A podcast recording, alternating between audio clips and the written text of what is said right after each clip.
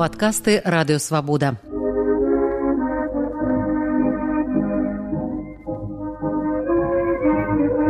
Сто гісторый пра БНР Сергеем шупам.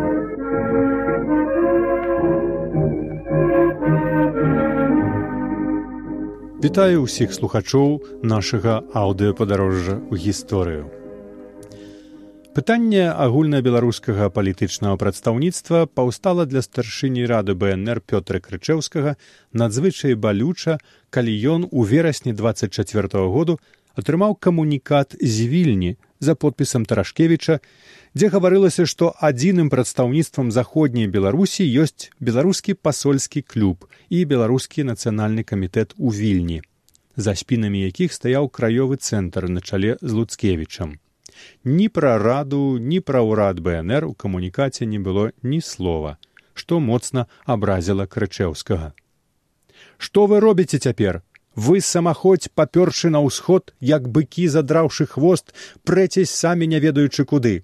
Піша ён прадстаўніку краёвага цэнтру Антону Аўсяніку і прапануе адкінуць усякія асабістасці і яднацца калі ядынага цэнтру, які мае права і павінен бараніць усю Беларусь але вільню ні рада ні ўрад бнр ужо не цікавілі.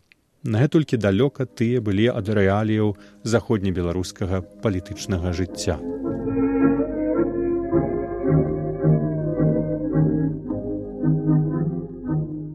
У кастрычніку 24 у прагу прыехаў прадстаўнік краёвага цэнтру браніслав тарашкевич паводле некаторых звестак галоўнай мэтай падарожжа была ліквідацыя ўраду бнр паводле іншых вільня прапаноўвала знайсці беларускаму палітычнаму прадстаўніцтву нейкую новую больш гнуткую форму для чаго прапанавалася склікаць у данцыгу адмысловую канферэнцыю.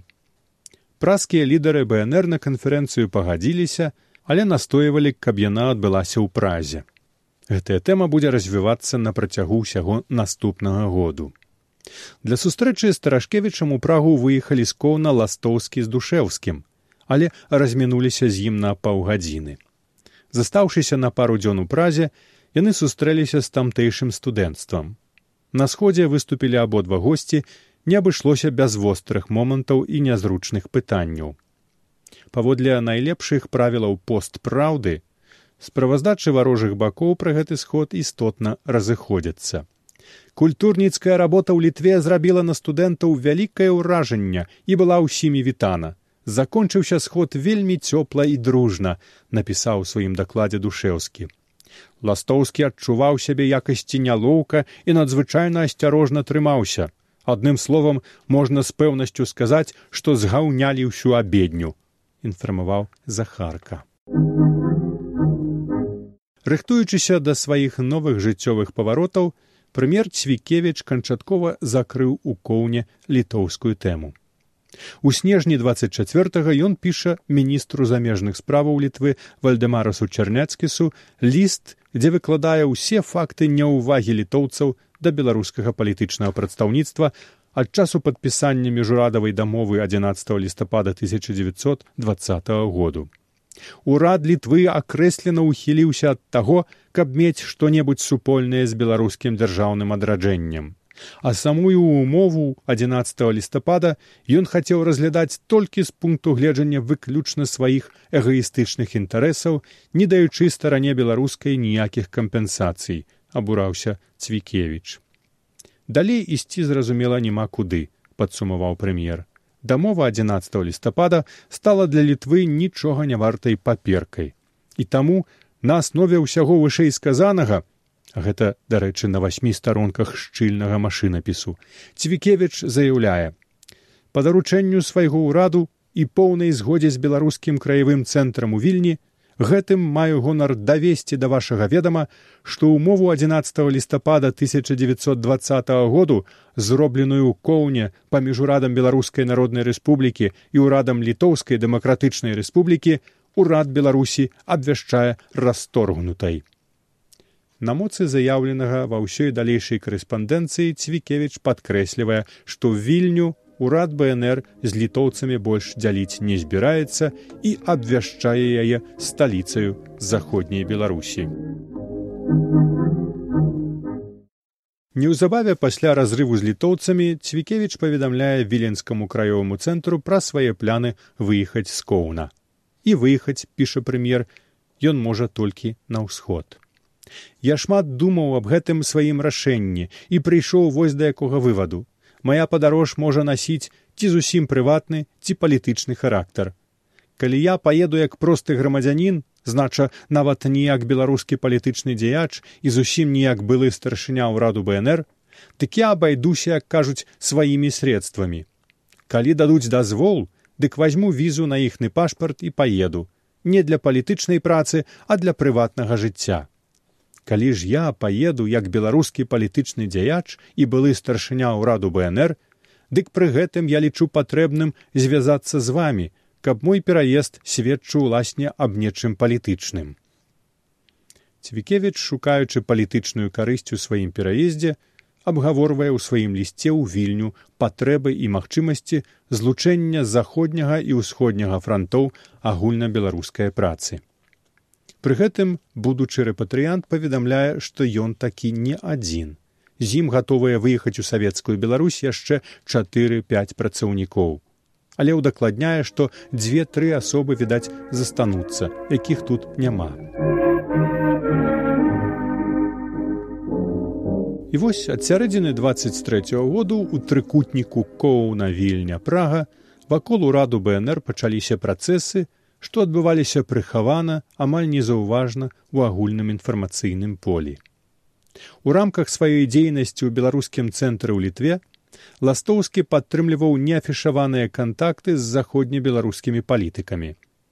Патаемныя сустрэчы адбываліся ў неўтральным данцыгу, куды можна было без цяжкасцяў дабрацца як з літвы, так і з польшчы. З віленскага боку ў іх найчасцей удзельнічалі паслы Фабіян Ярэміч і ксён Адам Станкевіч. На сустрэчах узгадняліся каардынацыйныя пытанні. Ад імя ўраду БНР перапіску з краевым цэнтрам вёў Цвікевіч, які як адзіны прадстаўнік кіраўніцтва бнр застаўся ў коўне пра сваё жаданне ехаць у менск ён даў зразумець і сваім калегам у празе. У гэтым яму там ніхто не пярэчыў з умовай што ён падасць у адстаўку і паедзе ў савецкую беларусь як прыватная асоба аднак яшчэ праз нейкі час ён нібыта ад гэтай ідэі адмовіўся і як пісаў пазней васіль захарка застаючыся бескантрольна ў коўне павёў падвойную гульню. Відаць з праскімі калегамі цвікевіч быў менш шчыры чым з адрасатамі лістоў да краёвага цэнтру. У прагу прэм'ер слаў нацыянальна незалежніцкія справаздачы аб сваёй дзейнасці а тым часам вёў у коўне і берліне размовы з савецкімі агентамі з мэтай падрыхтоўкі да здачы савецкай уладзе мандатаў бнр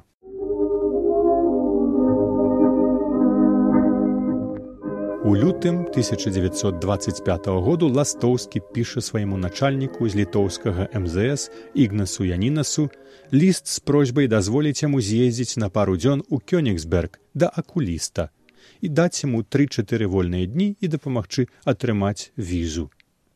Наступны дакумент у архіве датаваны трыма днямі пазней гэта квіток аб уплаце вацлавам ластоўскім чатырох літаў за 25 патронаў для рэвальвера калібру 635. Праз пару месяцаў у архівах зноў усплывае Кёнігсберг. Стары віленскі знаёмы нямецкі агент часоў выдання гоману Эдмунд Зузаміль піша ластоўскаму квартира госпожи Рейман с 30 мая к вашим услугам. Если у вас есть какая-нибудь интимная близкая подруга, то она также может здесь остановиться. Остальные темы вашего письма я здесь не буду затрагивать, так как это слишком деликатное дело. Ад 28 лютага 25 -го году Цвікевіч зноў піша краёваму цэнтру пра свой ад'езд. Пішу я вам у каторы раз, але ізноў не маю надзеі на то, каб атрымаць адказ. Сумна гэта і абразліва для мяне. Справа майго ад'езду ў Менск нагэтулькі сур'ёзна для агульнай нашай лініі, што мне здаецца, што на маё цяперашняе паведамленне вы павінны адгукнуцца.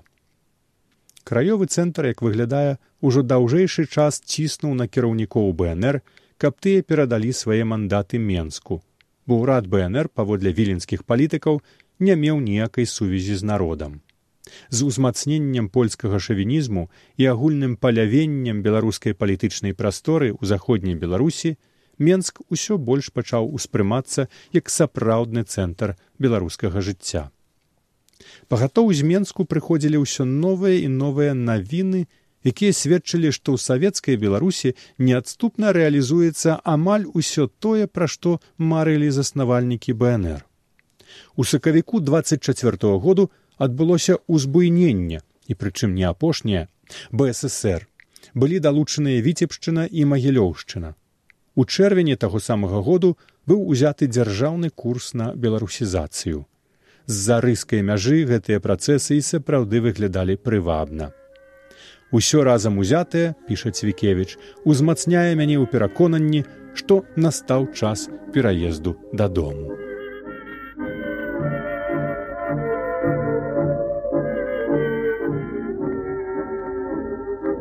Вы слухали падкаст радыёвабода. Усе падкасты свабоды ў інтэрнэце на адрасе свабода кропка орг.